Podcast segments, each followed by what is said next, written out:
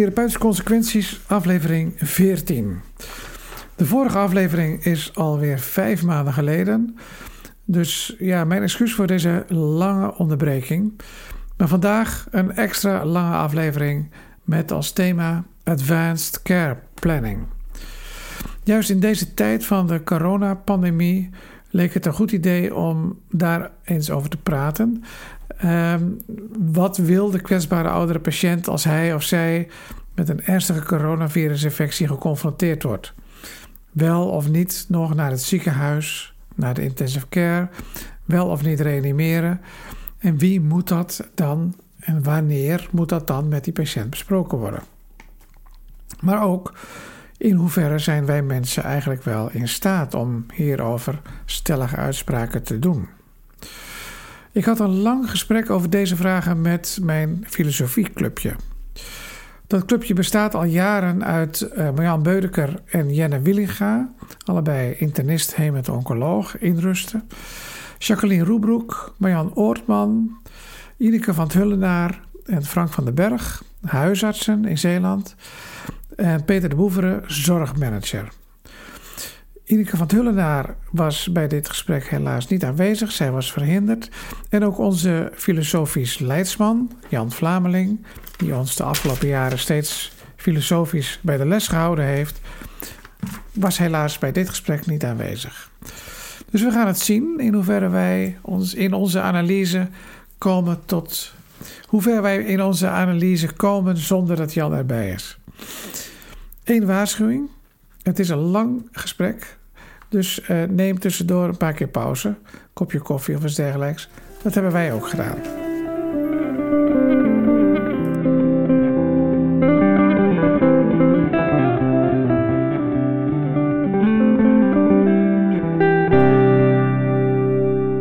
Ehm, goed, nou, we hebben het uh, vandaag over um, binnen ons filosofieclubje. En dat zonder onze echte huisfilosoof Jan Vlameling gaan we toch proberen iets met elkaar te verduidelijken over het um, begrip Advanced Care Planning. En um, de, een week geleden hebben we daar een soort uh, voorzetje voor gedaan. En dat heeft geresulteerd in een um, documentje wat uh, Marjan heeft opgesteld met uh, bijdragen van verschillende van ons. met een aantal stellingen. En dat zijn wel een beetje uiteenlopende stellingen. Um, ik heb het eens bekeken en gedacht van ja, wat kunnen we daar nou als een soort gemene deler van maken? Wat zouden we nou kunnen hanteren als een soort uitgangsstelling om de discussie een beetje uh, op gang te brengen? Dat is wel een beetje lastig, want er komen allerlei termen in naar voren die waarschijnlijk in de loop van de discussie wel verder uitgediept gaan worden. Termen als uh, autonomie, en als je het over autonomie hebt, heb je het toch wel over verantwoordelijkheid, vrije wil, keuzes maken. Enfin, dat zijn dingen die er uh, natuurlijk op een wat hoger abstractieniveau allemaal wel bij komen kijken. Um, en toen dacht ik, ja, misschien is het toch het leukste en het handigste om te proberen de discussie een beetje op gang te brengen naar aanleiding van concrete voorbeelden van wat wij in de praktijk meemaken. En dan bedoel ik dat zowel de huisarts als de specialist met die vragen geconfronteerd worden. Jacqueline heeft vorige week uh, heel mooi verteld hoe zij worstelde met dat begrip advanced care planning in de huidige COVID-pandemie. Waar eigenlijk van de huisarts gevraagd wordt om bij kwetsbare ouderen langs te gaan om te vernemen wat de wensen zijn ten aanzien van wel of niet reanimeren, wel of niet naar het ziekenhuis of naar de IC. En hoezeer zij uh, daar toch vaak uh, moeite had om dat gesprek echt goed op gang te krijgen. En ik heb uh, genoemd dat ehm, wij op de spoedeisende hulp vaak heel kwetsbare ouderen binnenkrijgen, ernstig ziek, waarbij dan ehm, de jongste bediende, de AJOS of soms zelfs de co-assistent moet gaan vragen aan de patiënt of hij of zij nou nog wel of niet gereanimeerd wil worden.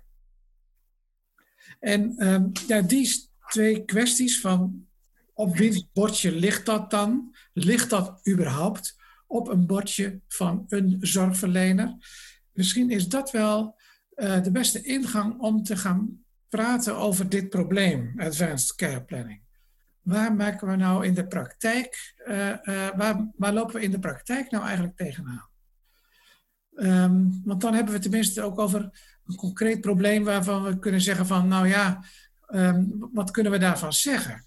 Uh, ik was blij met uh, um, die leidraad Advanced Care Planning, die toch ook wel een beetje, nou ja, toch enigszins terughoudend is. Veel terughoudender in ieder geval dan uh, Peter, die gewoon heel stellig zegt van, luister, die huisarts neemt het initiatief tot het voeren van een gesprek over Advanced Care Planning.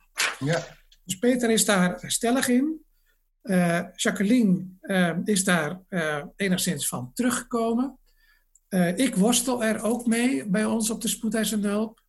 Ehm, en daar zitten allerlei ja, gradaties in.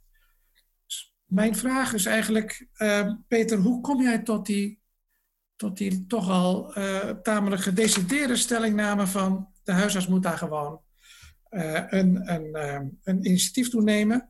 En sterker nog, jij bent zelfs bang dat het ooit gekaapt gaat worden door verzekeringsmaatschappijen om je premie te berekenen. Nou, ja, ja. maar, nou, het laatste, dat is meer een soort beroepsdeformatie.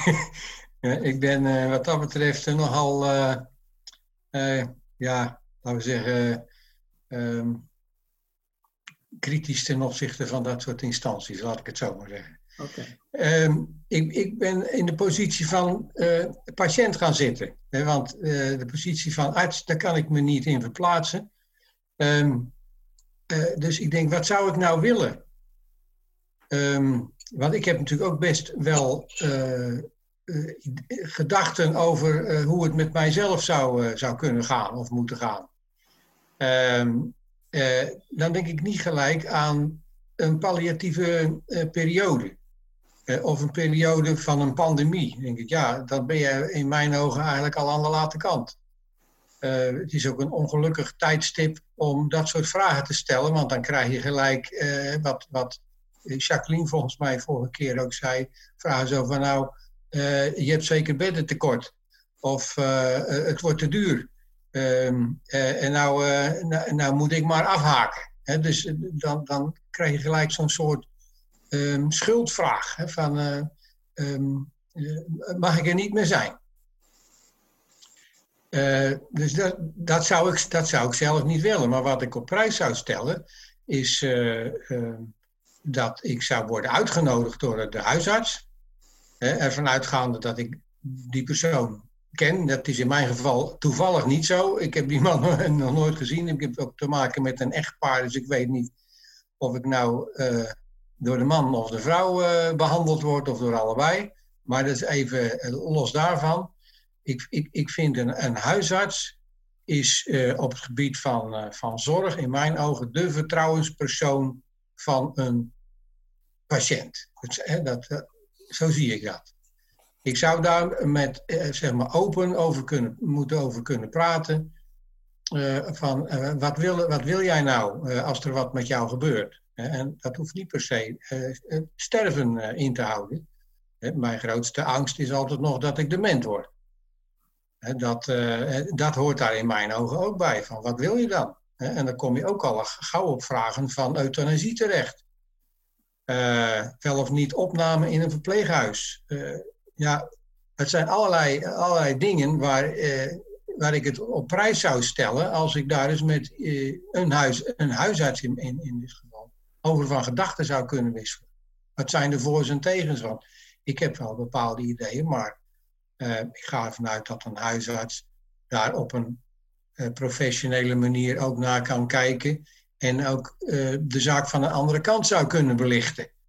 Ehm, en ik zie niet in bijvoorbeeld welke medisch specialist ik daar dan voor zou, zou moeten spreken.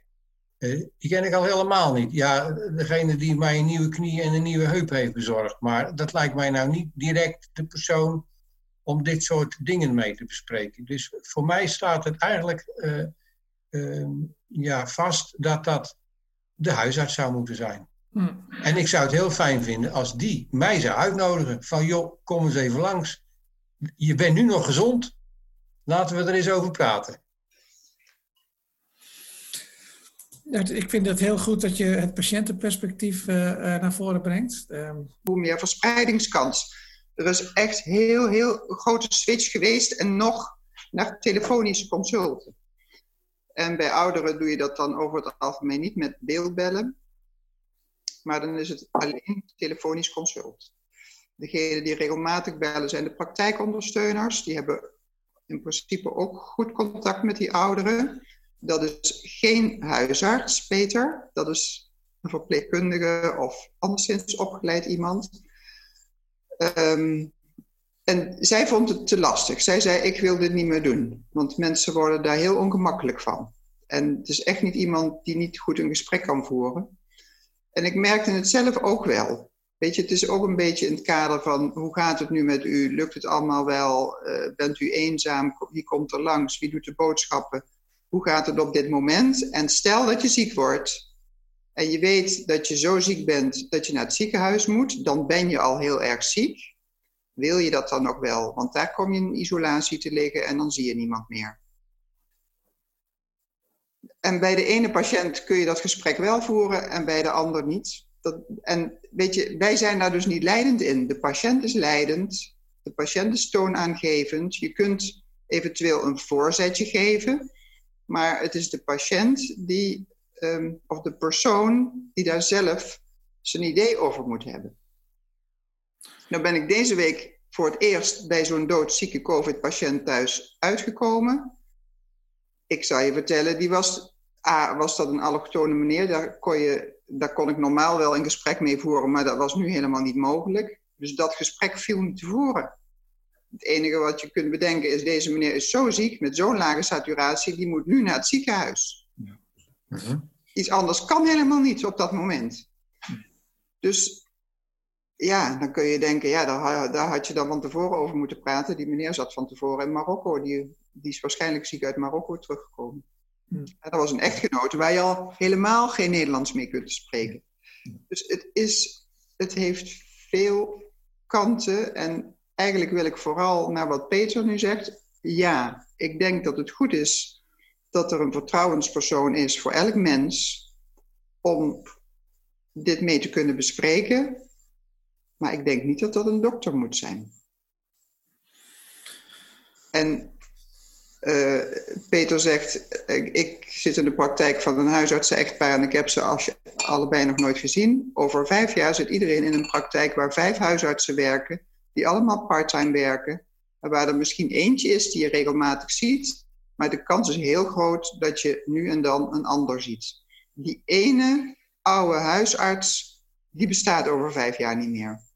Dus we moeten echt wel iemand anders verzinnen als vertrouwenspersoon. En wie gaat dat dan worden? Wie gaat dat zijn? Want ja, die vertrouwenspersoon is denk ik wel nodig. Je komt nu op een hele andere discussie eigenlijk ook wel een beetje uit, namelijk over het functioneren van de eerste lijns gezondheidszorg en, en wat dat voor de ontwikkelingen daarin, wat die voor consequenties hebben voor continuïteit van zorg en ook uh, de, de arts-patiëntrelatie en de, de, de rol van vertrouwenspersoon. Uh, dat, dat is natuurlijk een, eigenlijk weer een beetje een andere, uh, een andere vraag. Zie, jij. Ehm, ja, ja en nee, want ik denk, weet je, dat existentieel denken blijft voor mensen wel belangrijk. En wat vroeger misschien de pastoor deed, of um, uh, degene bij wie je een meditatiegroepje zat, dat is een beetje verplaatst naar de huisartspraktijk.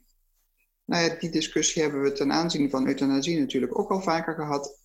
Ik weet het niet zeker of dat nou allemaal op het bordje van de huisarts ligt. Ja, uiteindelijk is het daar een medisch aspect aan en ook een stuk medische uitvoering. Daar wil je natuurlijk ook de andere aspecten in meenemen als dokter, tenminste ik wel. Maar um, het feit dat de huisarts, nou ja, dan komen we weer op hetzelfde onderwerp, steeds meer op zijn bordje krijgt, dat is wel iets waar we um, een beetje tegen vechten. Het wordt te veel. En kun je dit er dan nog bij hebben? Wil je dit erbij hebben? Is dat een keuze op een gegeven moment? Dat de ene dokter zegt ik doe het wel en de andere dokter zegt ik doe het niet. En dat is dan net zo goed een goede dokter. Um, er zit nog een ander aspect. Vanuit uh, de gemeentes uh, uh, pastoraal, ja, een soort pastoraal werker, maar dan niet pastoraal, op gaan leiden om mensen, um, ja, bij mensen thuis langs te gaan en te kijken van hoe zit het met jouw um, kwaliteiten van leven op somatisch vlak, psychisch vlak, sociaal vlak. En nou, Marjan noemde er netjes vier in die stelling. Dat zijn de vier die bij euthanasie vaak aan de orde komen. Maar in de het positieve gezondheid denken van Machteld Huber zitten daar ook bij kwaliteit van leven en ADL. Dat zijn. Nee. Jenne, is, Jenne is binnengekomen. Jenne. Goedemorgen. Hi Jenne. Hallo, het kan voor laat zijn, maar ik had een computerprobleem. Oké. Okay. Nou, Jij ook al. Ik ben er ook even uit geweest. Ja. Ah. Welkom Jenne. Uh, we zijn uh, al vast begonnen en we zijn uh, nu, uh, net is Jacqueline uitvoerig aan het woord geweest om te vertellen over de, de huidige stand van zaken in de eerste lijnspraktijken. Waarbij um, nou we zeggen, de continuïteit uh, um, ja, geleidelijk aan door, door grotere praktijken, et cetera, minder wordt. Als ik het nu zie, laat Marjan vooral ook wat zeggen. Welke Marjan? Marjan Oortman, die staat ook nog in de praktijk. Ja, en die staat op rood. Oh ja. Ja. Um, nou, ten eerste reactie op wat Peter uh, zei. Um, even voor Jenne. Hij zou graag een uitnodiging willen krijgen van uh, zijn huisarts om uh, over dit soort dingen te praten. Um, intern door Jeroen en Jeroen. Jeroen Bosman en Jeroen Peen heet hij geloof ik of zoiets. Um, zij hebben in hun praktijk alle 75-jarigen uitgenodigd om dit gesprek te voeren. We hebben dat op uh, een van de palliatieve symposia een aantal jaren geleden gepresenteerd. Ik weet niet of Frank zich dat nog herinnert. Ik niet, want ik moest op dat moment zelf uh, lesgeven in een of andere workshop. Dus ik was daar niet bij bij die presentatie. Maar uh, de samenvatting ervan was dat, um, dat het geen geslaagd project was. En dat ze dat zeker niet gingen doen in hun eigen praktijk. Dus ze hebben dat losgelaten nadat ze dat één jaar gedaan hadden. Um, dan even reactie op Jacqueline. Um, ik zie dat natuurlijk ook gebeuren, dat wij veel te veel op ons bordje hebben en dat ons vak um, verdwijnt. Het is triest, maar uh, het, het, verdwijnt. Ik vind dat, ja, je haalt eigenlijk het fundament onder de Nederlandse gezondheidszorg uit, maar dat is wat er wel gebeurt. Tegelijkertijd is er een beweging gaande van, eerste lijn, van, van geestelijk verzorgers die naar de eerste lijn gaan. Uh, dat zijn geestelijk verzorgers die uh, binnen de instellingen niet meer zo aan de bak komen, omdat mensen, patiënten, niet zo lang meer verblijven in instellingen. Uh, dus in een eh, ziekenhuis heb je eigenlijk niet meer zoveel aan een geestelijk verzorger, want mensen liggen nog maar twee dagen in een ziekenhuis. Dus die zijn nu mee aan het bewegen naar de eerste lijn. En daar is ook geld voor. En um, um, dat, zijn, um, dat zijn mensen die een andere taal spreken dan wij. Het zijn ook mensen waar wij heel erg veel van kunnen leren. ik doe al een aantal jaren mijn best ervoor om daar wat van te leren, maar ik ga hun taal niet spreken. Dat gaat mij niet meer lukken. ik ik ken dat positieve gezondheid ken ik niet heel erg goed. Maar ik vermoed dat daar wel een stukje van hun taal in zit. Um, dus daar, ja, ik, ik, zie, ik zie eigenlijk de toekomst van, van de geneeskunde in een toch wat holistischere uh, aanpak van ook dat existentiële. En, um, want dat, dat is gewoon de basis. Dat is, dat is waarom iemand komt met zijn eczeem of met zijn verzwiekte enkel. Dat gaat, hè, zelfs, zelfs bij die hele simpele dingen gaat het daarover. Uh, laat staan als iemand oud en krakkemikkig wordt. En er een pandemie boven zijn hoofd hangt. En dus ik, uh, en ze komen toch naar ons, want ze brengen het als somatisch. En dat, daar zit een beetje het lastige. dat mensen het als iets somatisch brengen en dat je er dan met een geestelijk verzorger op zou moeten reageren. Ja, dan voelen ze zich ook niet heel erg eh, serieus genomen. Nee. Dus je moet dat toch integreren, denk ik, in één persoon. En hoe dat dan moet als de huisartsen wegvallen, ja, dat weet ik eerlijk gezegd ook niet. Eh, Frank, jij had ook nog een, eh, een opmerking net voordat je, voordat je onderbroken werd. Ja, weet je, je kunt het erover hebben natuurlijk. Bij wie je eh, de advanced care planning moet gaan vastleggen. Ehm, of je daar nou een professional voor nodig hebt. De kern van het probleem is, denk ik, dat je, dat je het vastlegt. Ik denk dat dat vastleggen helemaal niet goed mogelijk is. Dus ik denk dat je veel beter kunt gaan vertrouwen op, heel praktisch gesproken, op de in de wet allang uh, vastgelegde wettelijk vertegenwoordiger, zijnde een naaste met wie je dit soort dingen bespreekt. Want dat geeft je de mogelijkheid om er een continu proces van te maken, van dat advanced care planning. Nou hebben die naasten natuurlijk niet een protocolair uh, dingetje wat ze kunnen invullen en elke week in een gesprekje op vrijdagavond kunnen bijstellen. Maar um, daar zou je, ik, ik denk dus dat hulpverleners een beetje meer terug moeten treden en moeten zeggen: dit hoort in het domein van de vertrouwelingen van de patiënt. En die moet je helpen om dat gesprek wel te voeren en uh, uh, misschien tot uh, conclusies te komen die dan weliswaar, die dan wel elke week kunnen veranderen, die conclusies. Dus ik heb problemen met het vastleggen. En ik heb ook problemen met het introduceren van professionals om dat vast te leggen.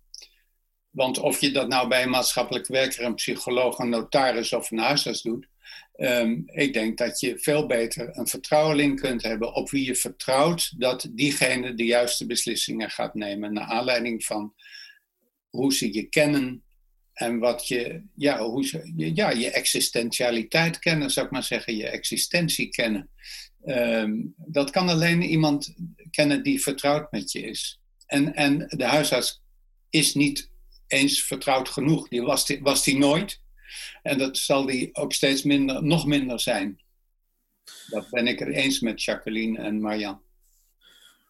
Dus ik hoor eigenlijk twee verschillende dingen. Ik, ik hoor Jacqueline en Marjan ook eigenlijk uh, verzuchten dat, uh, ja, dat de capaciteit in de eerste lijn gewoon weg tekort schiet om deze gesprekken uh, te voeren. Uh, dat de, de, de, zorg steeds uh, fragmentarischer wordt. Er zijn, de, de, zorg is verdeeld over heel veel poppetjes. Uh, dus dat is eigenlijk de praktische problemen in de uitvoerbaarheid van, van die advanced care planning. Maar ik hoor Frank nog wat principiëler. Hij zegt van, het is eigenlijk, je, moet het, je moet het eigenlijk ook niet willen. Je moet eigenlijk niet als zorgverlener willen een dergelijk gesprek aan te gaan met de patiënt. Hij pleit er meer voor dat dat anderen in de omgeving van de patiënt zijn die dat dan wel zouden doen. Je kunt het gesprek wel aangaan, maar je moet het gesprek dan zo aangaan dat je zegt: bespreek eens met je naasten wat je wilt. Je moet dus een balletje opwerpen. Ja. Met, maar, goed, maar niet gaan vastleggen. Maar Frank, mensen van... Een van de problemen van vastleggen is dat het vast ligt. En het kan niet vastliggen. Dat kan niet. Nee. Nee. Plato had al moeite met het schrift. Ik heb het van uh, Els van Wijngaarden er nog eens bij gepakt. En daar staat in de epiloog een mooi, uh, een mooi citaat van T.S. Eliot. Er zijn twee soorten problemen in het leven. De ene soort vraagt, wat gaan we eraan doen? Het andere stelt andere vragen. Namelijk, wat betekent het? En hoe moeten we ons ertoe verhouden? Ik heb het gevoel dat praten over dit soort zaken veel meer bij dat tweede soort problemen hoort. Hè? Ja. ja. Nou, daar ben ik het mee eens. Uh, uh, kijk, ik, met, met allerlei redeneringen over uh, ja, tijdgebrek, geldgebrek, uh, parttime werken. Ik voel me als patiënt een beetje in de steek gelaten eigenlijk. Maar waar ben ik nog? ik kan het met mijn vrouw bespreken, maar dan, ik kom toch een keer bij een van jullie terecht. jullie hebben ook nog een poortwachtersfunctie. vind je dat dan misschien moet je dat laten vallen. En je weer wat meer op een, eh, op een patiënt richten in zijn, met zijn existentiële vragen. ik vind dat helemaal niet bij een. een, een dat kan, daar kunnen mensen voor kiezen natuurlijk om dat bij een geestelijk verzorger te leggen. Maar ik heb daar bijvoorbeeld helemaal niks mee. Maar heb je wel wat... Dat is wel de laatste die ik zou uitzoeken. Peter, heb je wel wat met je vrouw? Ja, ja oh, dagelijks. ja, maar met mijn vrouw heb ik het daar ook wel over. Maar als het, als het erop aan, ook met, met, met kinderen en zo. Uh, en ik kan het ook bij de notaris laten vastleggen in een levenstestament. Van wie mag er iets over mij uh, beslissen, ja, uh, ja dan nee. Um, maar ik zou er zelf al een heel eind mee zijn. En dan kom ik toch even terug op die laatste zeg maar, die laatste vraag van, die Willem net stelde. Een keer een luisterend oor. Uh, mij, mij helpen, bij wijze van spreken, bij het, bij het maken van keuzes. Um, om dingen voor mezelf duidelijk te krijgen. Want als, ik, als ik het met mijn vrouw moet bespreken, moet het voor mezelf wel duidelijk zijn. Ja, en het spijt me, maar dan schat ik toch een, een, een huisarts uh, misschien, misschien, te hoog in, dat weet ik niet. Maar ik denk dat het iemand is die mij daarbij zou kunnen helpen. Dat denk ik ook. Ik denk dat je met je vrouw naar de huisarts moet. ja, zou kunnen, ja. Of met de kinderen. Of... Ja. ja. Maar dan zeg je, je moet zelf het initiatief nemen.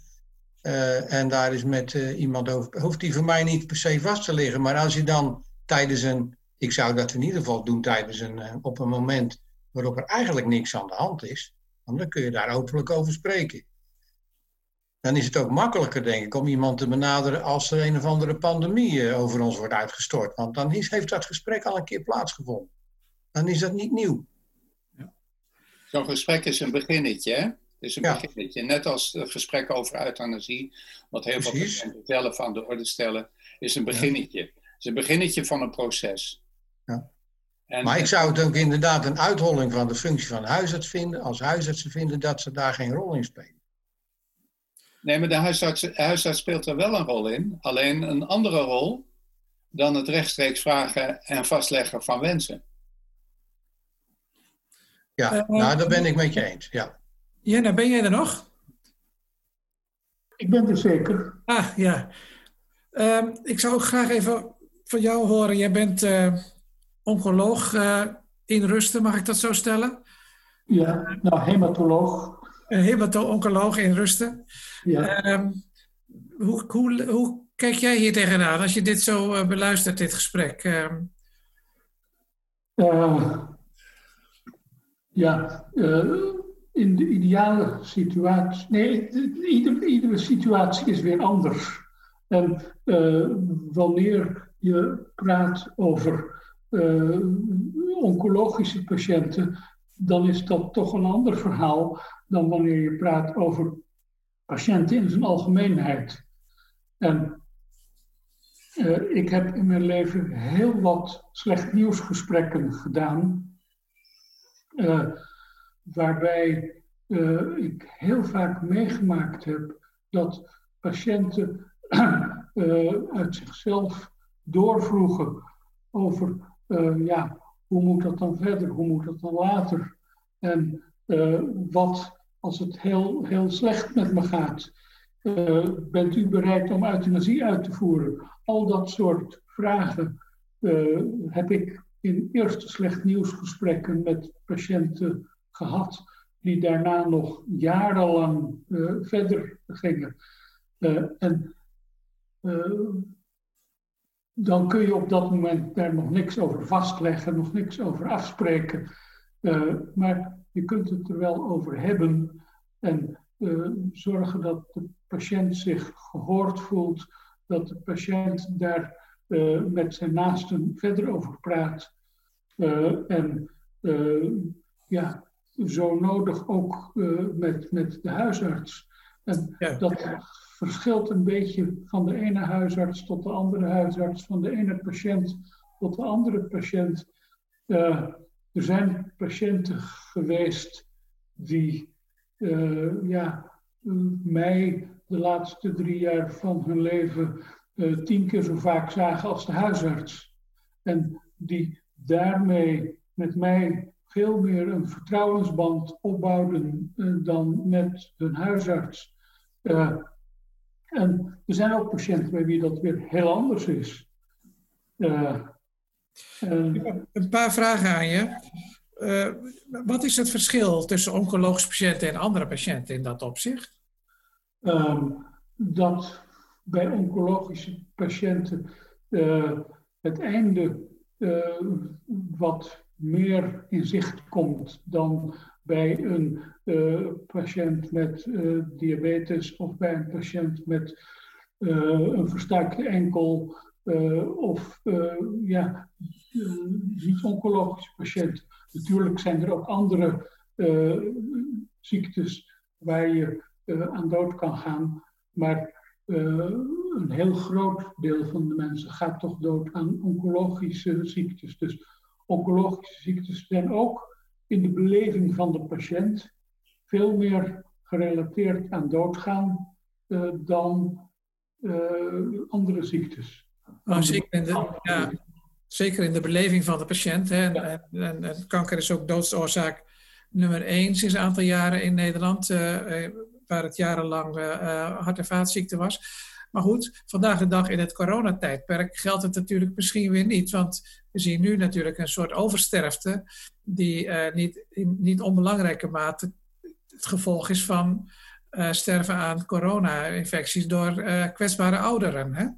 Dus dan, dan heb je natuurlijk toch een beetje een soort omkering van dat idee. Vandaar natuurlijk ook dat waar we het eerder over hadden, dat, dat uh, ja, we ons afvragen, moeten we nou bij al die kwetsbare ouderen, bij wijze van spreken, dit soort uh, end-of-life discussies aangaan zoals jij dat altijd al deed met je oncologische patiënten?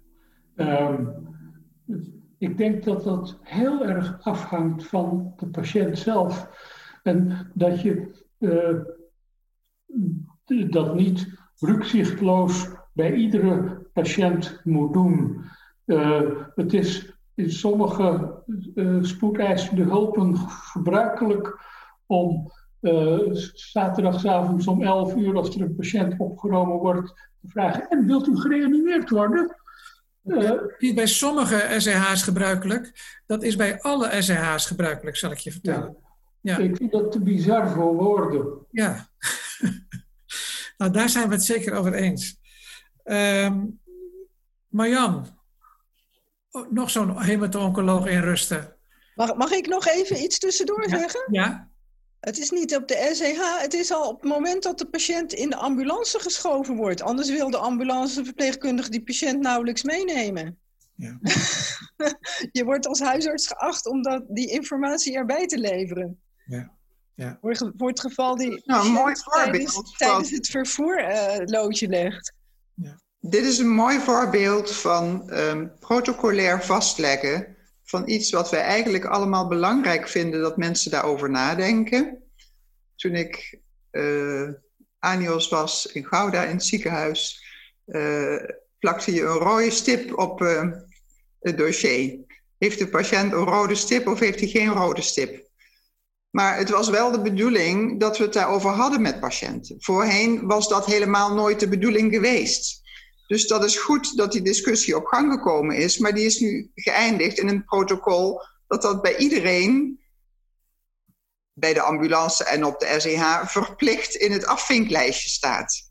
En daar schieten we ons doel voorbij. En dat is het moeilijke in deze discussie. Want je schiet voortdurend je doel voorbij en um, uh, je hebt ook heel vaak te maken met mensen die er niet op een manier over kunnen praten zoals wij dat nu doen de helft van onze praktijkpopulatie heeft toch wel wat minder um, vermogen om over hele existentiële dingen na te denken en zeker niet om het te verwoorden. Neemt niet weg dat je het ook met die mensen erover moet hebben, maar we moeten een beetje oppassen dat we niet in het, uh, manteltje van de VVD kruipen. En vinden dat iedereen daar helemaal zelf over mag beslissen met zijn eigen familie. En daar het liefst dan ook nog iets over moet noteren. Want dat lukt heel veel mensen niet. Marjan? Ja? Ja, hoor je ons? Ja? Ja. Ik, ik, ik was een beetje benieuwd naar jouw visie, ook een beetje als reactie op Jennes verhaal. Uh, ik heb het gevoel dat Jenne, en, en zo, kennen jij, zo ken jij en ik Jenne natuurlijk ook wel van jarenlang met hem samengewerkt hebben, uh, dat Jenne uh, ook wel een soort huisarts voor de patiënt werd. ik denk eerlijk gezegd dat jij dat ook wel een beetje had. Um, de vraag is, ja, hoe wenselijk was en is dat eigenlijk? En is dat überhaupt iets wat in deze tijd nu nog steeds zo zou zijn? Kunnen oncologen dat nog steeds op die manier doen? Ja, ik denk dat er best zeker bijvoorbeeld in de periferie oncologen zijn die dat zo ervaren. Want er zijn natuurlijk mensen met wie je een over de jaren langdurige band opbouwt, omdat je aldoor maar intensief met ze bezig bent. En die dan in dat proces minder contact met hun huisarts hebben. Ja, dan ben jij de, de vertrouwensdokter. Dus, en in die rol zul je ook over het levenseinde makkelijker praten dan met de patiënt die voor de schildklier bij je komt. Want ik was nog van het soort die allebei had. En met de patiënt voor de schildklier ging ik niet praten over reanimeren. En ook niet over levenseinde. Terwijl met mensen die ik een slecht nieuws gegeven had, die inmiddels, zoals Jos naar dat schrijft, de contouren van hun dood zien ja, dan ligt dat gesprek ook meer voor de hand. En dan kun je die vertrouwensrol hebben. Ik moet zeggen dat ik toch eigenlijk altijd geprobeerd heb om ook de huisarts daar direct bij te betrekken. De ene keer ging dat beter en de andere keer ging het minder goed. Maar nou ja, jullie weten dat ik in principe altijd belde als zulke gesprekken plaatsvonden en wat er. Hè? En dat het ook in de correspondentie terugkwam. Omdat ik zelf dacht dat de huisarts een essentieel onderdeel van het verhaal was. Maar waar we het nu eigenlijk over hebben, is welk gesprek voer je met wie? En is er een soort standaard? En dat denk ik dus niet. Ik denk inderdaad dat de, het past de dokter om zich in deze aan te passen aan de patiënt. Ook al levert dat soms lastige situaties op zoals arme ambulancebroeders die opgevoed zijn dat iedereen altijd gereanimeerd moet worden en dan een treurig hoopje mens in de ambulance krijgen waarvan ze denken dat moet ik, ik moet straks reanimeren, behalve als iemand het geregeld heeft dat ik niet hoef. Nou, ik ben blij dat ik geen ambulancebroeder ben. Wat mij een beetje, uh, de vraag waar ik een beetje mee worstel is, wat moeten wij nou tegen jonge collega's zeggen die uh, nog in opleiding zijn tot uh, huisarts of tot specialist. En die zich voorstellen dat dat een, uh, een vak is waarbij je natuurlijk medisch-technisch vaardigheden hebt en, steeds beter wordt in je vak. Maar waarbij je daarnaast ook echt een, um, ja, hoe zal ik het noemen? Een, leidsman, een, een, vraagbaak, een, een, een wijs iemand voor je patiënten bent. Um, als ik nou naar Marjan en, en uh, Marjan Oortman en Jacqueline luister, dan, dan is dat iets uit de oude doos. Kunnen we dat nu jonge dokters nog voorhouden? Dat dat hun carrièreperspectief wordt? Dat ze, dat ze een holistische dokter worden? Ja, het gebeurt absoluut wel nog hoor, Willem. In de opleiding heeft dat uh, is een plek. Dus daar wordt in die uh, groepen uh, AIOS in opleiding ook aandacht aan besteed, over gediscussieerd binnen de groep. Um, maar wat ik nu merk, wij, ja, wij zitten, de, de huidige situatie bij ons is zo dat er in, onder ons dak twee praktijken zijn aangeschoven het afgelopen jaar van collega's die met pensioen zijn gegaan. En die nog geen praktijkhoudend opvolger hebben. Die is overigens wel in zicht uh, in januari. Maar um, die praktijk wordt dan gerund door daar waarnemers in te zetten. En die waarnemers zijn echt heel erg vluchtig gebleken. Want natuurlijk is het zwaar als je net in een praktijk begint die overgenomen wordt. Dat is voor elke dokter een dobber. Daar heb je echt wel uh, twee jaar in je handen te spugen voordat dat een beetje rijlt en zeilt zoals jij het wil.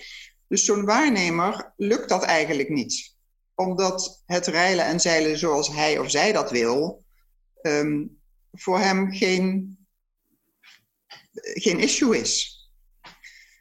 Dus dan krijg je dat die waarnemer, hoewel ze echt niet, dat zijn echt geen van acht tot vijf dokters, die willen ook langer werken, die willen ook nog eens een keer terugkomen als het moet, omdat dingen niet af zijn.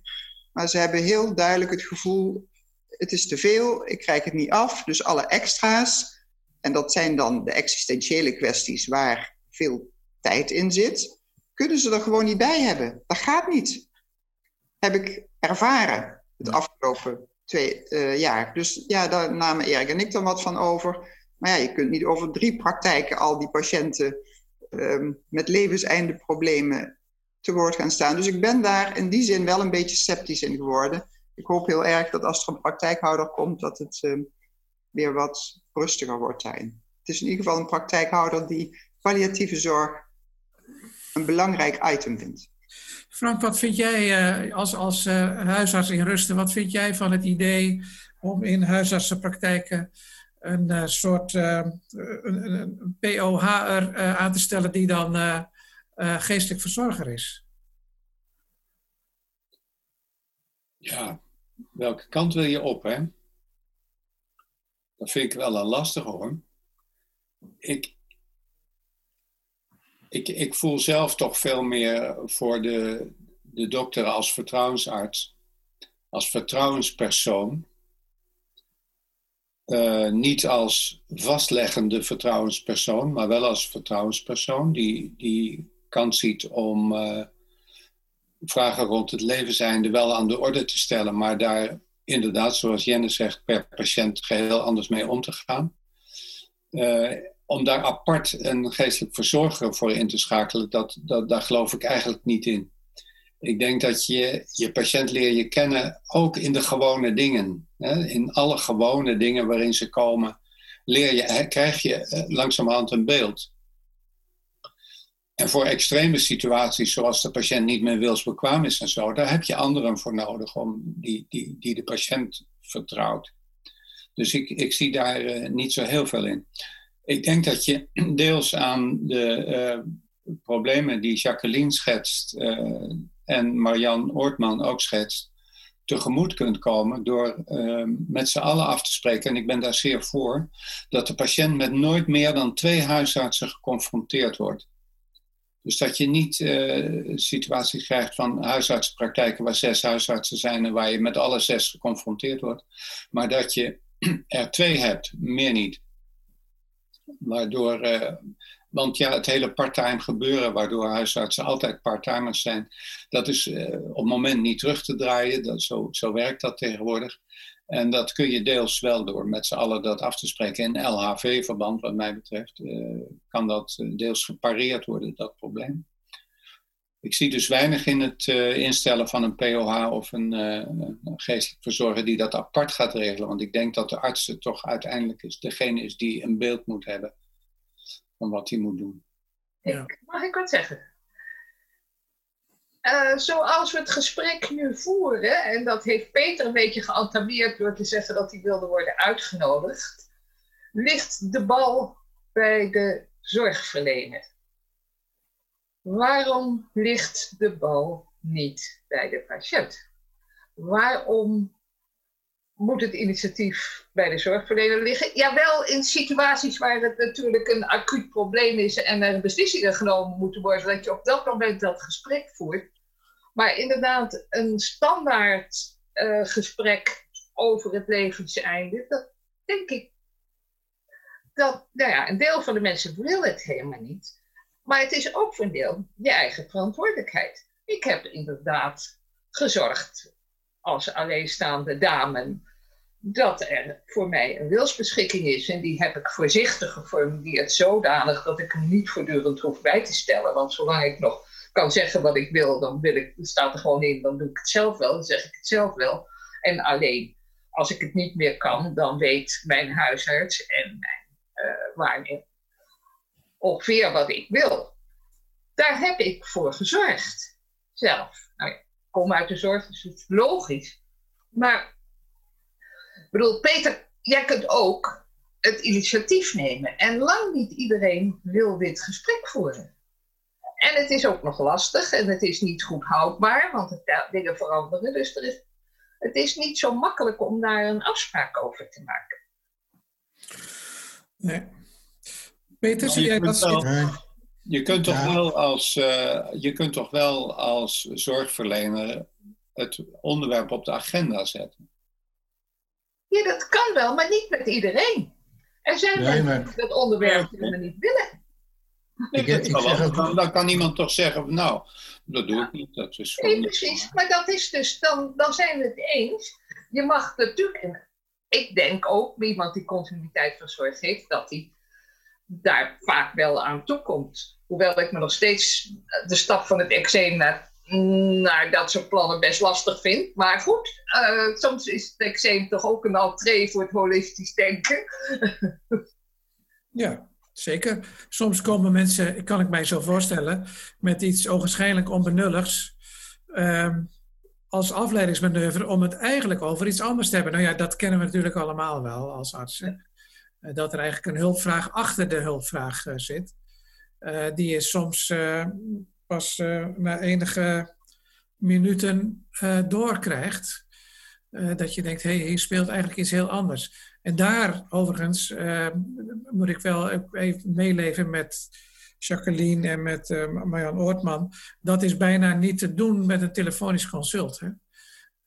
bij een live consult kun je dat veel makkelijker naar boven halen en denken van wacht even, hier is eigenlijk iets heel anders aan de hand dan dat eczeem.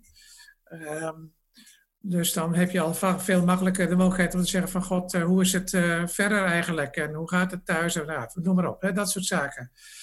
Maar goed, dat... Uh... Sterker nog Willem, eczeem gaat via een, een fotootje per e-mail en het antwoord gaat ook per e-mail. ja, dat ja, eczeem, eczeem is natuurlijk een heel makkelijke ziekte. Want je hebt de uitslag al voor het onderzoek.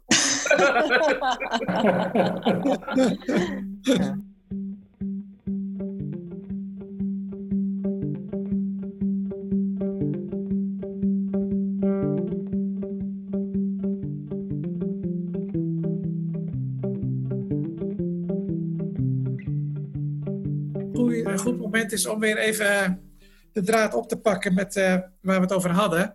Advanced Care Planning. Uh, we hebben het denk ik nu wel vooral gehad over uh, de praktische uitvoerbaarheid en de problemen waar we daar in de praktijk tegenaan lopen.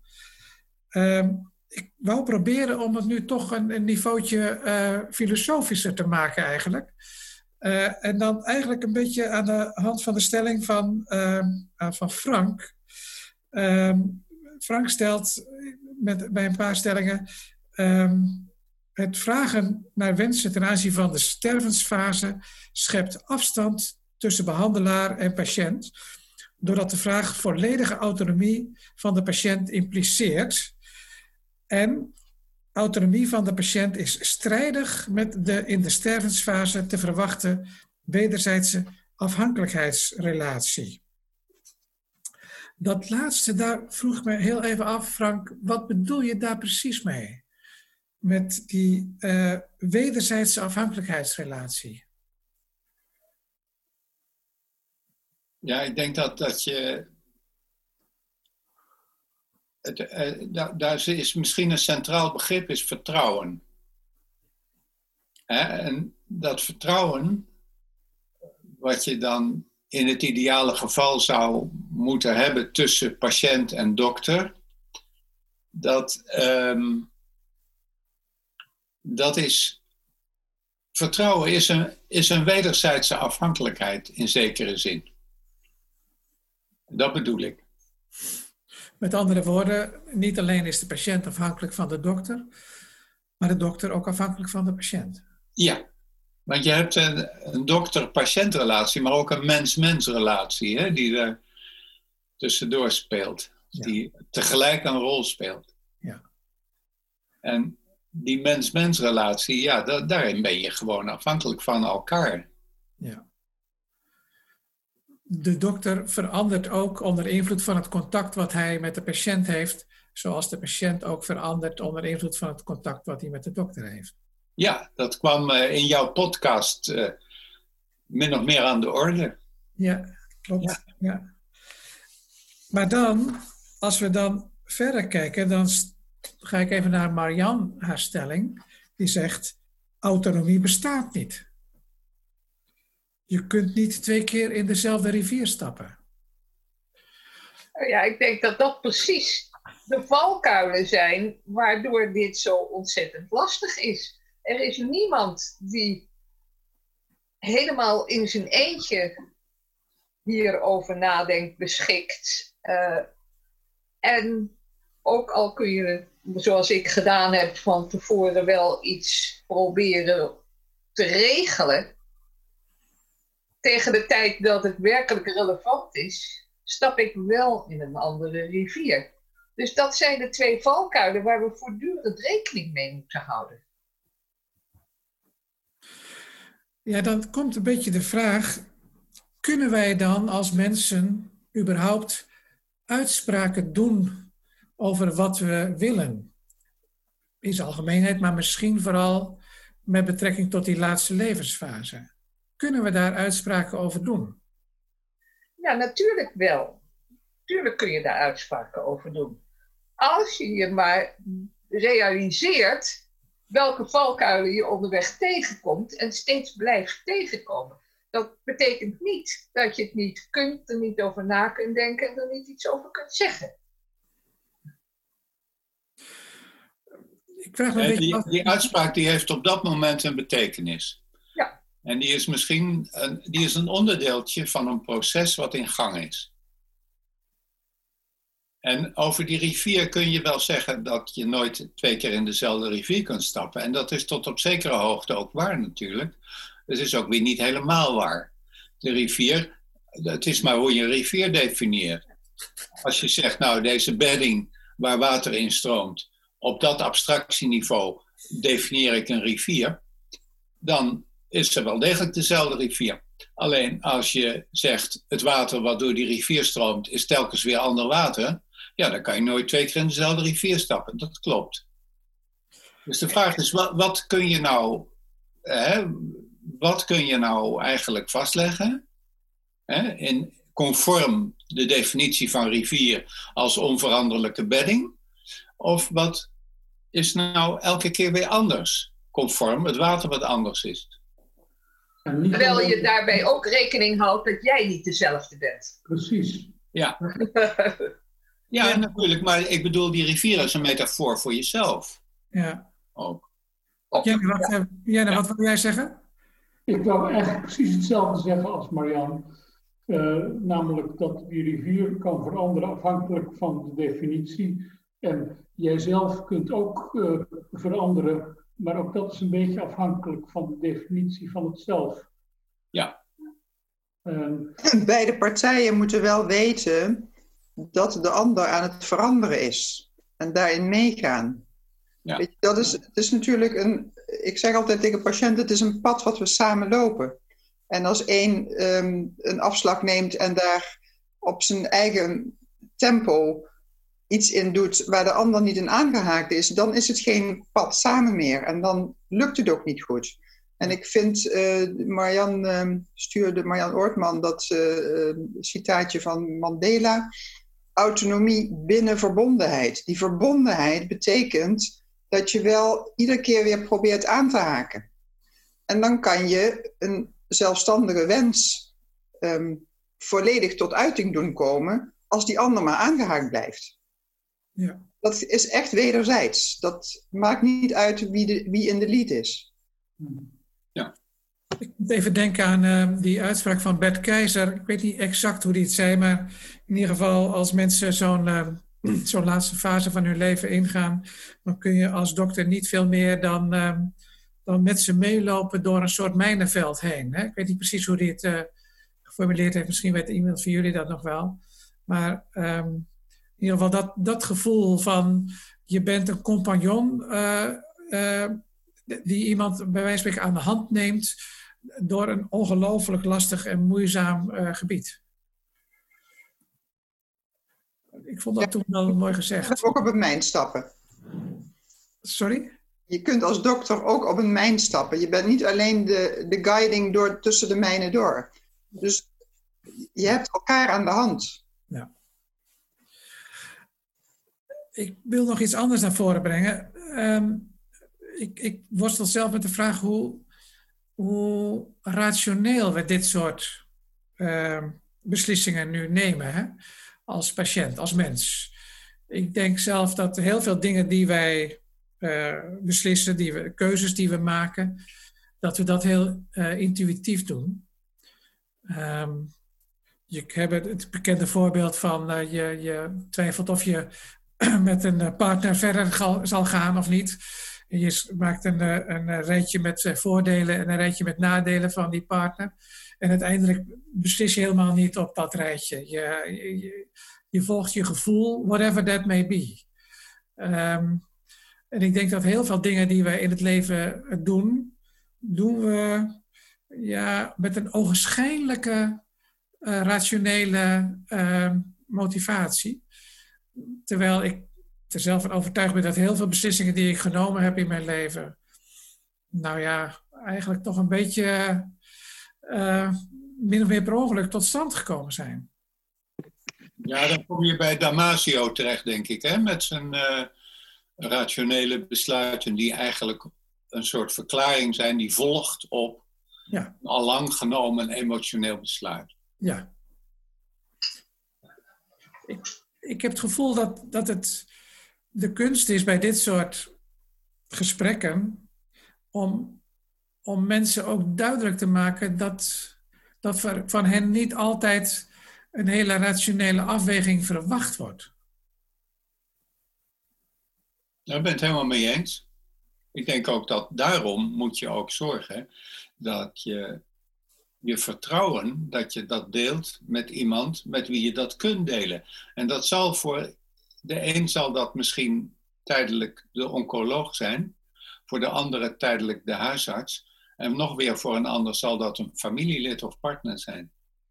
Het gaat erom dat iemand aanvoelt wat jij zou willen in de situatie waarin je niet meer wilsbekwaam bent. Precies, aanvoelen. Ja. Aanvoelen is iets anders dan, dan weten, hè? Ja. En dan sluit je veel meer aan bij die intuïtieve, intuïtieve zaak. Ja. Ja, dan kom je ook een beetje natuurlijk in het hele gedachtegoed van Damasio, maar ook in, in eh, wat, wat in de psychologie ook wel heel veel is aangetoond. Dat we heel veel dingen op onze intuïtie doen. En, en nauwelijks op onze, om zomaar eens te zeggen, prefrontale cortex. Hè? Toch doen we het niet helemaal zonder. Nee, gelukkig. nee, nee, nee, ik, ik, denk zeker dat het zo is dat rationele overwegingen mee kunnen spelen. En dat rationele overwegingen uh, het emotionele kunnen beïnvloeden. als ik rationeel kan bedenken uh, dat mijn behandeling aan de beademing niks kan worden, dan krijg ik onmiddellijk emotioneel het sterke gevoel. Dat wil ik dus niet. Ja. het een kan het ander versterken. En het een kan het ander relativeren. Uh, en ik ben het met je eens dat je uiteindelijk je beslissing op je emotie is. Maar uh, ja, de ratio hebben we ook niet helemaal voor niks. Nee, maar ook in het gesprek met de hulpverlener of met wie dan ook, dat is natuurlijk een rationeel gebeuren vaak. Hè? De, de, in ieder geval voor een belangrijk deel is het gesprek een rationeel gebeuren. Ja. En dat speelt dus wel degelijk een belangrijke rol in het geheel, het gesprek zelf.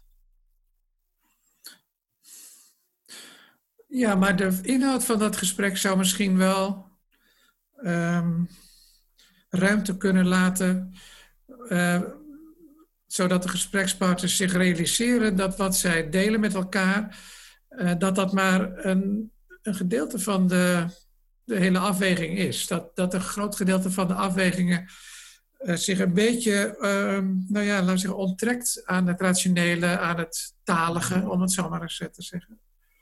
Een gesprek is niet alleen woorden, een gesprek is ook uh, ton qui fait la muziek. Ja. en ja, dat soort aspecten die spelen zelfs bij beeldbellen een rol.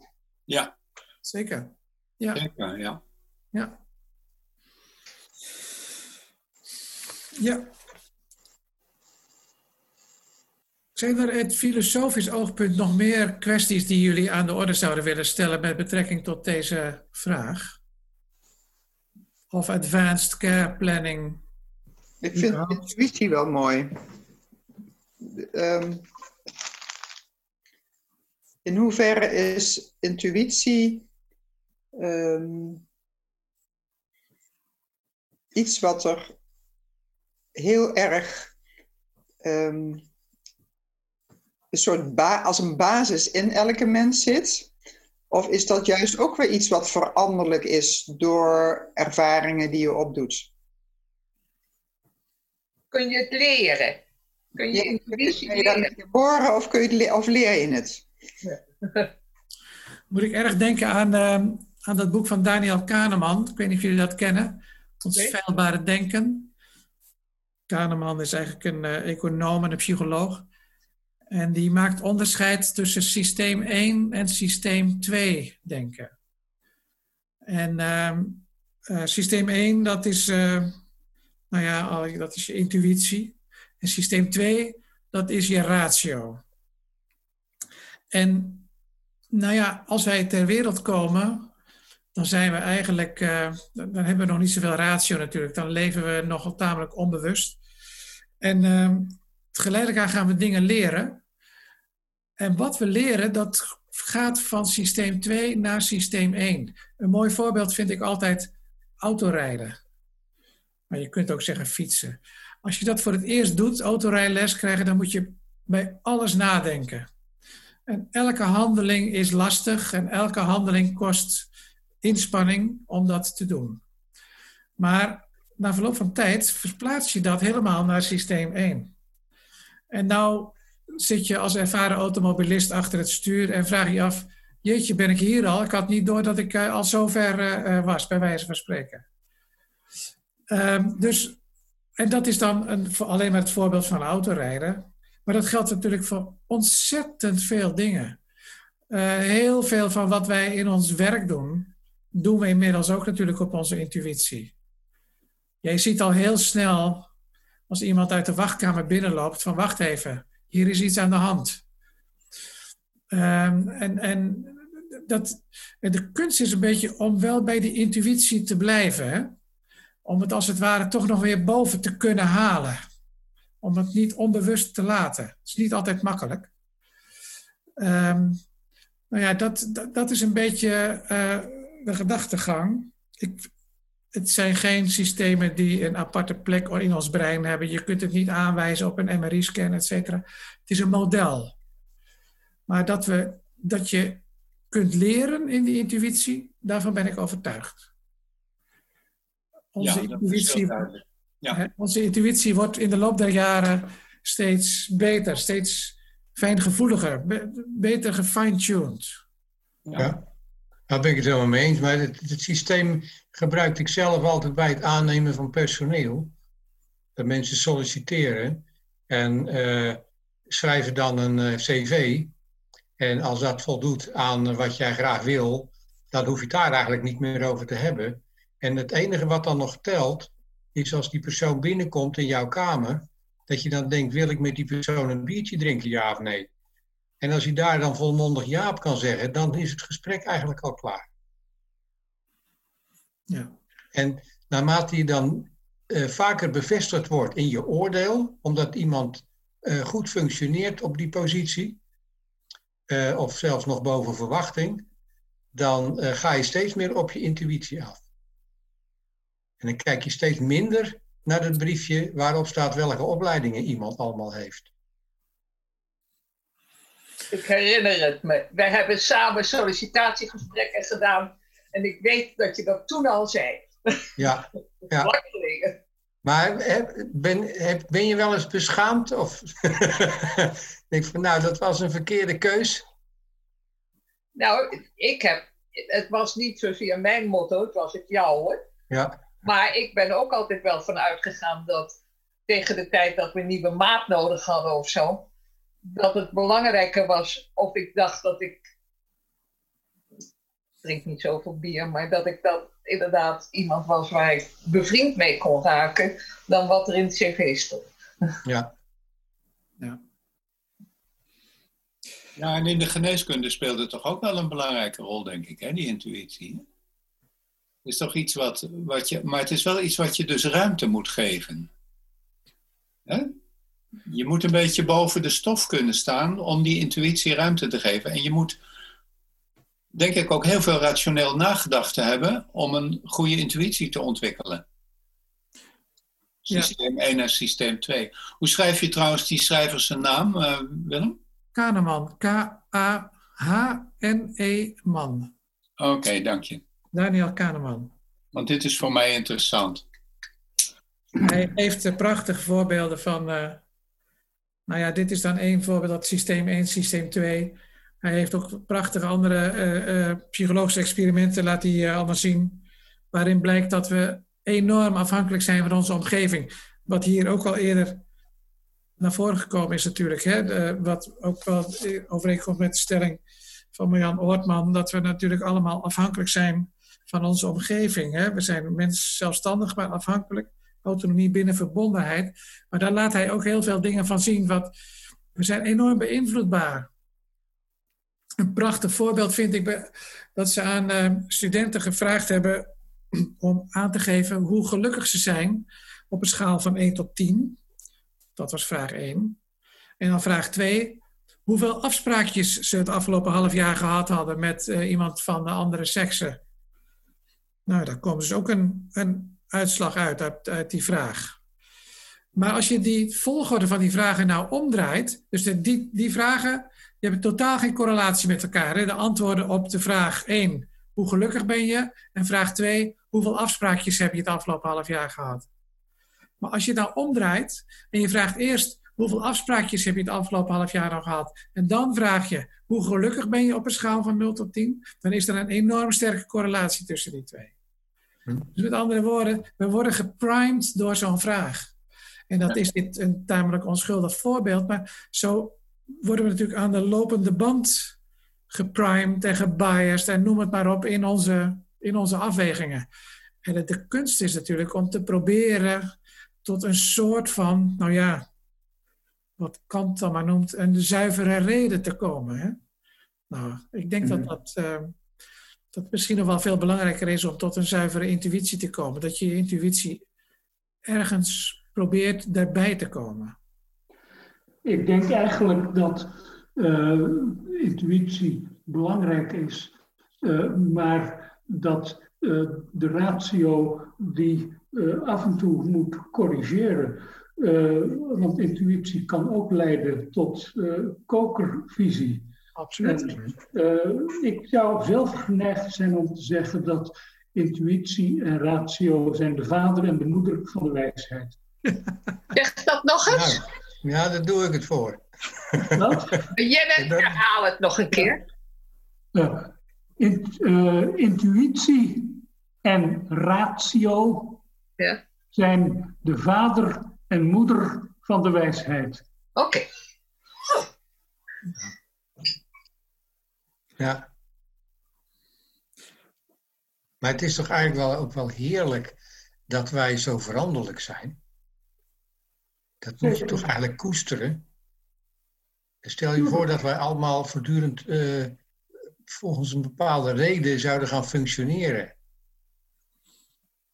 Ja, dan krijg je wel existentiële vragen. Want dan denk ik, ja, dan. wat is dan jouw bijdrage nog? dus uh, ik vind dat. Natuurlijk uh, moet je intuïtie beïnvloed worden en andersom. dat, dat, maakt het nou, dat maakt het leven eh, de moeite waard. En dat betekent ook dat je, en dan sluit ik een beetje bij Frank aan, dat je dingen niet moet vastleggen, omdat je, uh, als je het daarover hebt, dan heb je het over een proces. En het proces kan elk moment er iets anders uitzien. Wat niet betekent dat de uitkomst anders is. Mhm. Ik kan best op een andere manier in elkaar zitten of op anders gaan denken, maar dat de uitkomst hetzelfde zou kunnen zijn. Er zijn verschillende wegen die naar Rome leiden. Mhm. Ehm, toch moet je wel een paar dingen uh, vastleggen. Uh, bijvoorbeeld uh, of je euthanasie wilt als je het zelf niet meer kan zeggen. Ja, zeker. Ja. En daarbij is het dan toch een beetje aan de wijsheid van uh, de arts om op het moment dat dat actueel wordt te oordelen of, dat, uh, of daar de mening in veranderd zou kunnen zijn. Ja. Maar er was toch laatst ook weer een discussie over, of een uitspraak over dat bij dementerenden dat uh, de arts daar dan zich niet zoveel meer van aan moest trekken als dan de persoon in kwestie zei, doe het toch maar niet? Nou, uh, dat is net iets te sterk uh, okay. geformuleerd hoor. De discussie was in feite van hoe helder moet de formulering van de wilsverklaring zijn. En de casus waar het hier om gaat, dat was overigens geen casus van de levenseindekliniek, maar die casus, daar zei de patiënt uh, soms van doe het toch maar niet. En vaker doe het toch maar wel. Waarbij het lijden van de patiënt overduidelijk was. En de wilsverklaring in overleg met verpleging en met familie uitvoerig besproken was, uh, waardoor uh, uiteindelijk deze dokter tot de overtuiging kon komen dat er sprake was van enzovoort. Ja. ja. En uh, dat is natuurlijk de essentie van de euthanasiewet, dat de uitvoerend arts de overtuiging moet hebben gekregen dat er sprake was van. En ja, hoe krijg je die overtuiging? Dat is van arts tot arts verschillend en van patiënt tot patiënt verschillend. Ja, maar dan zou het kunnen helpen dat je daar dus uh, ruim van tevoren met je arts al over hebt gesproken. Ja, nou En hij weet, hij weet hoe je er tegen dingen aankijkt. Ja, uh, maar nou is het natuurlijk denkbaar dat uh, in die tussentijd, dus tussen het moment dat er over gesproken is en eh, het actueel worden daarvan, uh, ja, dingen veranderen in de intuïtie, in de gedachten, voor zover nog aanwezig, uh, in het gevoel daarover. Uh, ja, mens kan dat proces veranderen en dat maakt het ingewikkeld. En je moet dus als arts op het moment dat je een euthanasie uitvoert ook overtuigd zijn van het feit dat die mening of, niet veranderd is. Mm En uh, als iemand uh, dement is en van tevoren gezegd heeft van nou, als ik mijn kinderen niet meer herken, dan wil ik euthanasie. Als die patiënt op het actuele moment dat hij zijn kinderen niet meer herkent, nog ja, van heel veel dingen in het leven geniet en helemaal niet de indruk maakt te lijden, nou dan is het maar zeer de vraag of je dan wat hij ooit opgeschreven hebt, heeft, of je hem daaraan moet houden. Ja. Lijkt me ontzettend lastige afweging, eerlijk gezegd. Ja, dat, dat, dat, is het, uh, dat is ook een lastige afweging. Ja. maar maar dat is ook de angst. Uh, ik vertelde, toen was, toen, toen was, je nog net niet, denk ik, dat een van mijn grootste angsten is dat ik uh, zeg maar zou gaan dementeren. Ik heb een uh, moeder gehad die uh, zo'n beetje 18 jaar heeft gedementeerd. Mm -hmm. En ehm, ik zou het heel vervelend vinden als ik eh, zeg maar op zou schrijven dat als ik mijn kinderen niet meer herken en ik bijvoorbeeld naar een verpleeghuis zou moeten omdat er thuis niet meer hand, te Mhm. handhaven valt eh, en om daar verder verzorgd te worden omdat ik dus dementerend ben, Mhm. dat er dan iemand zegt ja, maar we doen het toch maar niet. Ehm, dat denk je nu. Eh, ja. Eh, ja. Eh, Ik hoop dat als ik, als ik niet meer wilsbekwaam zou zijn, dat er iemand is die in mijn geest kan besluiten. Hm. Of in ieder geval eh, de, dok- de dokter iets kan zeggen in mijn geest. ja, dat, kan, dat, mij kan verplaatsen. dat kan niet volgens de wet, alleen maar als je er ook iets over opgeschreven hebt. Dat Ja, snap ja. ik. Maar die wet is ook niet goed, vind ik. Mhm. Ehm, wat is er niet goed aan die wet? Ik vind dat ze in de wet een omstandigheid zouden moeten creëren dat je in geval van niet eh, wilsbekwaam zijn, iemand anders wel degelijk, de, die van tevoren door de patiënt is aangewezen, wel degelijk iemand anders daar een belangrijke stem in heeft in wat er gebeurt. Daar is, daarin voorziet de wet niet. Het is juist, juist eh, die wet is juist gericht op eh, puur individuele lijden, dat kenbaar kunnen maken, eh, vrijwilligheid enzovoort. En voorziet dus niet in de omstandigheid, en dat vind ik een manco. Ik vind een manco dat er vastgelegd is in de wet dat als je je besluit hebt vastgelegd, dat dat dan ook, en dat wordt met jurisprudentie steeds meer ondersteund, vind ik, dat die verklaring leidend is. Ik zou zeggen, laat een ander persoon leidend zijn in plaats van een verklaring. Of allebei, een, een vorm van interactie daartussen is ook prima. Maar die andere persoon die, die, je zou kunnen, die je zou moeten kunnen vertrouwen als je niet meer wilsbekwaam bent, die mis ik in de wet. Eh, Mag ik daar wat over zeggen? ja. Ehm, de reden, denk ik, waarom we daar toch terughoudend in moeten zijn, is dat je iemand opzadelt met een enorme verantwoordelijkheid. En als ik mij herinner van dat ik na euthanasie nog wel eens familie ben tegengekomen die toen al het idee hadden van we hebben het toegestaan en hadden we dat maar moeten doen dan is dat toch een hele lastige. En ik begrijp wel dat als je een hele goede relatie hebt met iemand, dat je samen zegt van nou oké, ik neem die verantwoordelijkheid voor jou en jij neemt die verantwoordelijkheid voor mij. Maar het blijft een hele lastige. Dus ik zou daar niet voor zijn om dat in te zetten. En voor mijzelf heb ik op grond van dit hele verhaal besloten dat als ik dement word, dat dat een geval van jammer is, maar dat ik het moet uitzitten. Omdat ik niet iemand anders, wie dan ook, daarmee wil opzadelen. Zelfs niet de, ex- het expertisecentrum. Nee, dat is inderdaad een probleem natuurlijk. Dat is ook zo. Het is een hele verantwoordelijkheid. En de vraag is natuurlijk of je iemand vindt die dat wil.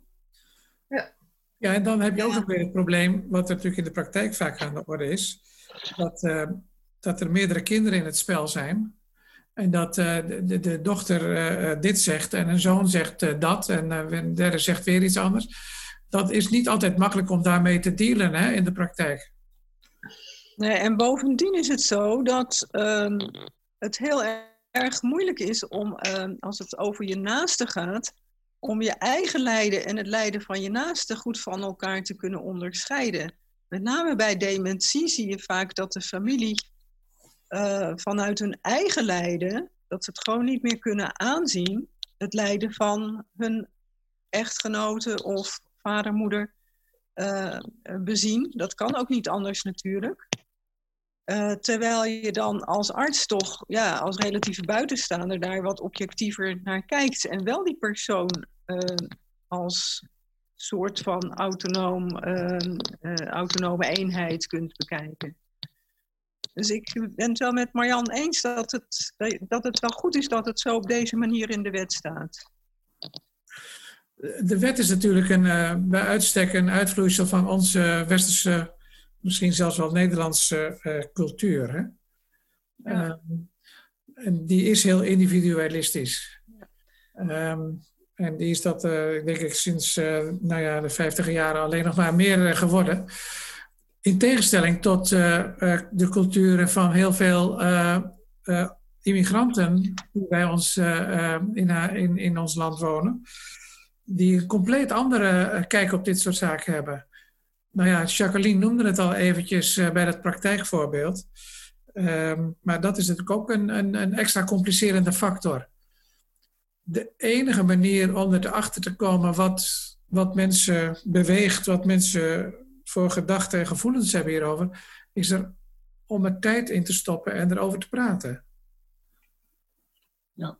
Bij het Mohammedaanse gedachtegoed spelen natuurlijk nog hele andere zaken. Want het goed zorgen voor je familie tot de aller, aller, allerlaatste snik betekent goed zorgen voor jezelf. Anders kom je niet in een mooi hiernamaals. Dus dat, dat maakt het extra lastig. Los van het feit of je het goed kunt communiceren. Maar ook, ook als je dat wel kunt, is het een hele, hele lastige discussie vanuit een volledig ander perspectief dan het onze. Ja. Ja, en dat is een, ja. Een, een kloof, een culturele kloof. pacht. Zeg je? Wie heeft de wijsheid in pacht? Ja, in, daar worstelen we in de praktijk echt mee, hè? Ik vrees ook dat het uh, inschakelen van uh, islamitische geestelijke verzorgers daar ook lang niet altijd een, um, een oplossing is, hoor. Het is een vrij fundamentele uh, verschil in, in ja, levensvisie eigenlijk. Hè?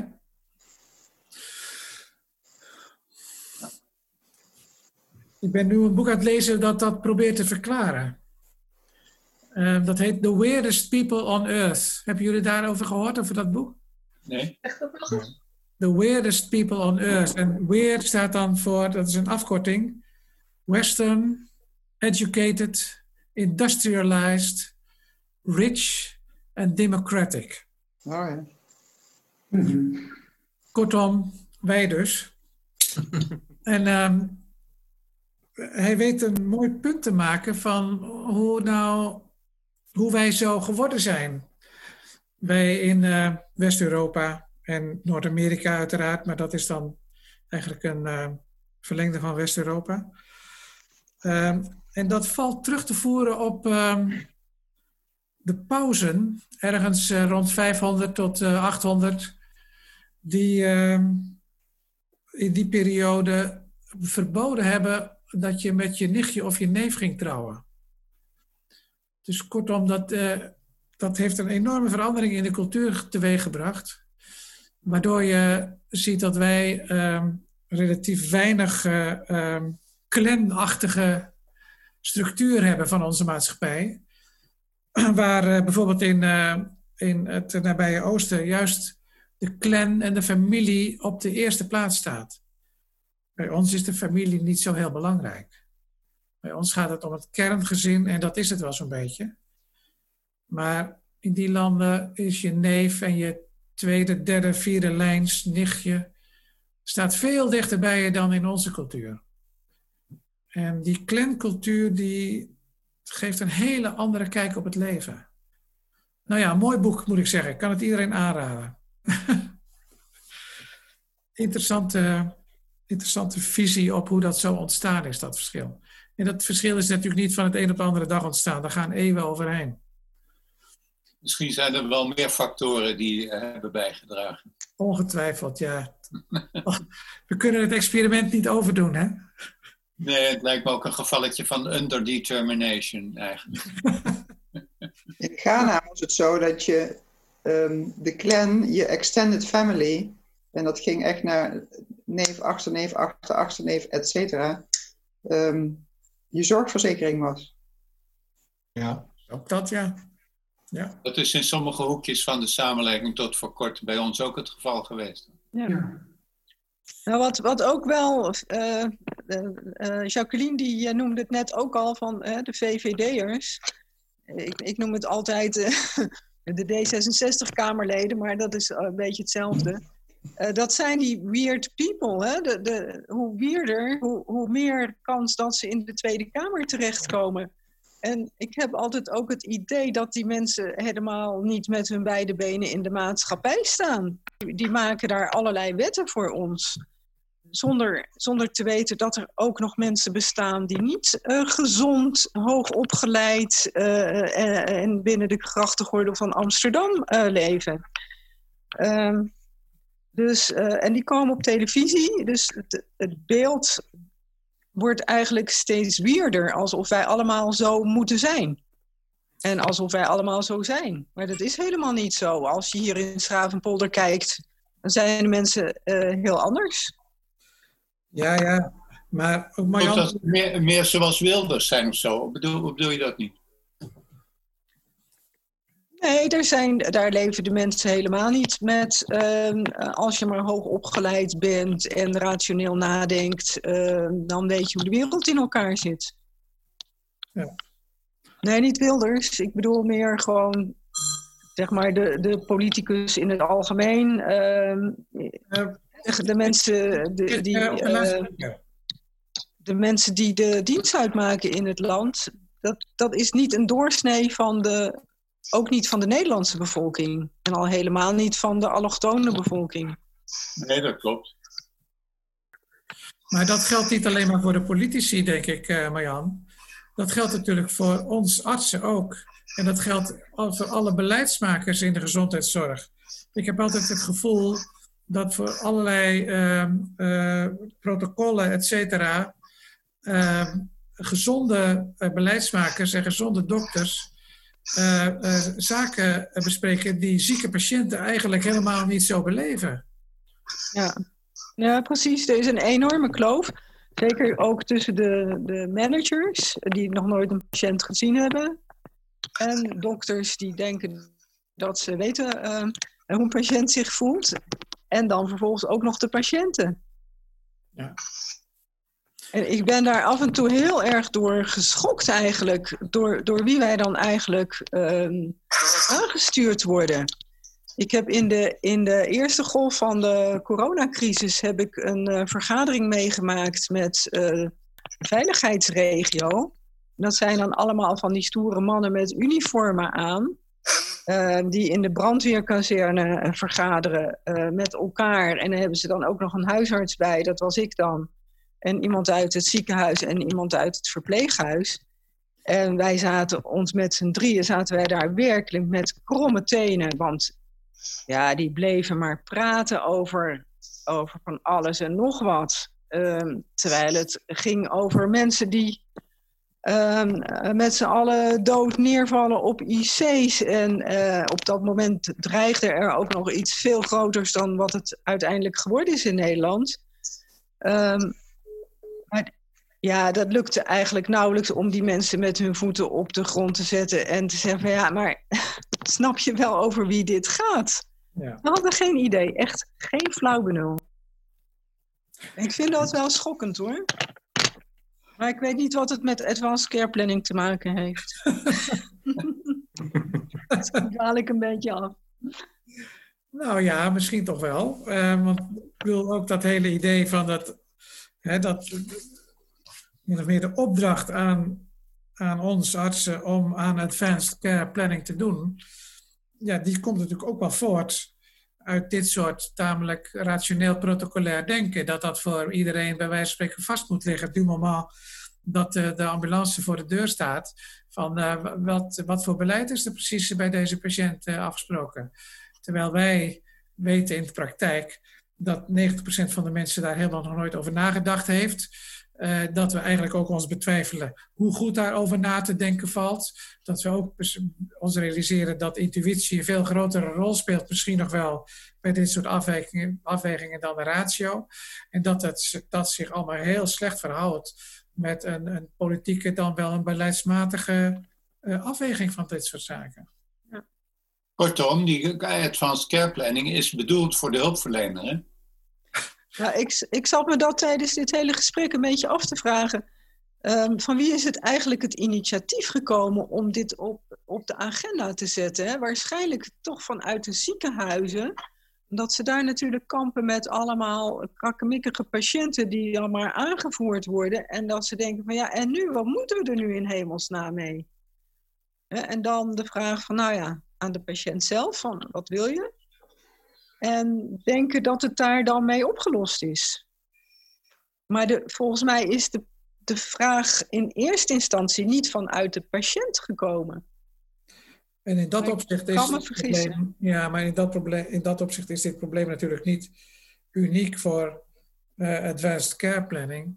Maar geldt dat natuurlijk voor heel veel zaken waar we binnen de gezondheidszorg mee te maken hebben. Dat het vooral een probleem is van de instellingen en van de beleidsmakers en van de dokters. En niet zozeer een probleem van de patiënten. Of door de patiënten niet zo ervaren. Het is ook een kwestie van indekken. Uh, als een patiënt doodgaat en je hebt niet gereanimeerd, uh, dan is het denkbaar dat de nabestaanden je gaan aanklagen omdat je niet genoeg je best gedaan hebt. Ja. Uh, en als je dan zwart of wit kan aantonen, ja, maar de patiënt weigerde dat, dan ben je klaar. maar aanvullend ding daarbij is naar mijn gevoel ook dat wat de patiënt beslist over dit soort vragen heel erg afhankelijk is van de manier uh, waarop de dokter het probleem formuleert. Als jij zegt tegen mijn 91-jarige licht verwarde schoonmoeder: wil je gereanimeerd worden?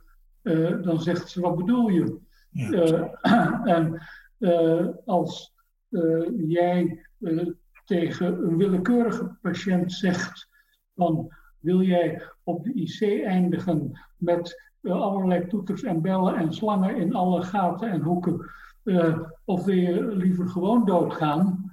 Uh, dan is dat iets anders dan wanneer je zegt van wil je dat we ons uiterste best blijven doen om je in leven te houden?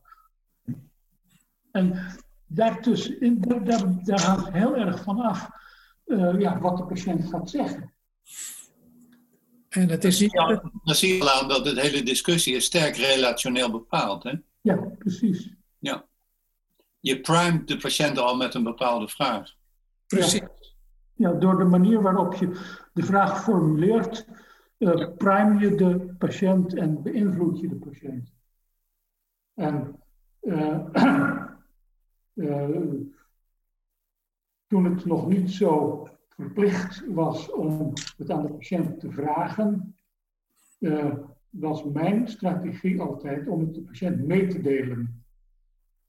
Van, ik wil geen uh, zinloze geneeskunde doen en ik vind het zinloos om u in uw conditie nog uh, van alle toeters en bellen te voorzien. Het is maar dat je het weet. En ik heb heel, lang, heel vaak terugverlangd naar de rode stip van Jacqueline. Want wij hadden in het ziekenhuis ook de rode stip. En niemand die sprak ooit met die patiënt over die rode stip. Maar je wist gewoon, dat is een rode stip, daar springen we niet meer op. Klaar. Ja. John van Lichten had altijd no max F rechtsboven op de temperatuurlijst staan. Ja. Een paar jaar geleden was er iemand op de televisie, een oude dame, en die had het op haar borst laten tatoeëren. Ach god, ja. ja. ja. Uh.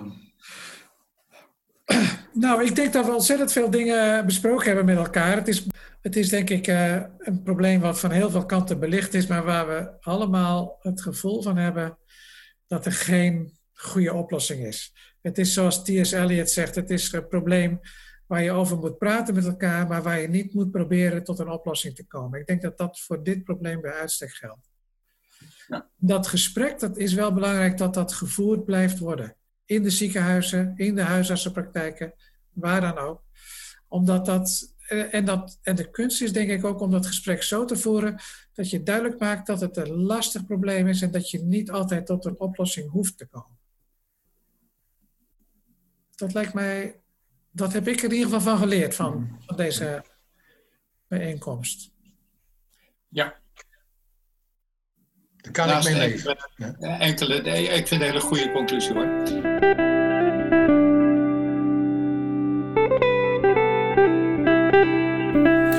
En hiermee zijn we aan het einde gekomen van deze podcast, deze therapeutische consequenties. aflevering 14.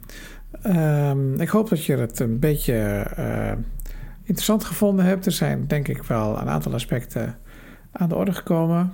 Ehm, de volgende podcast gaan we weer eens gewoon hardcore literatuur bespreken.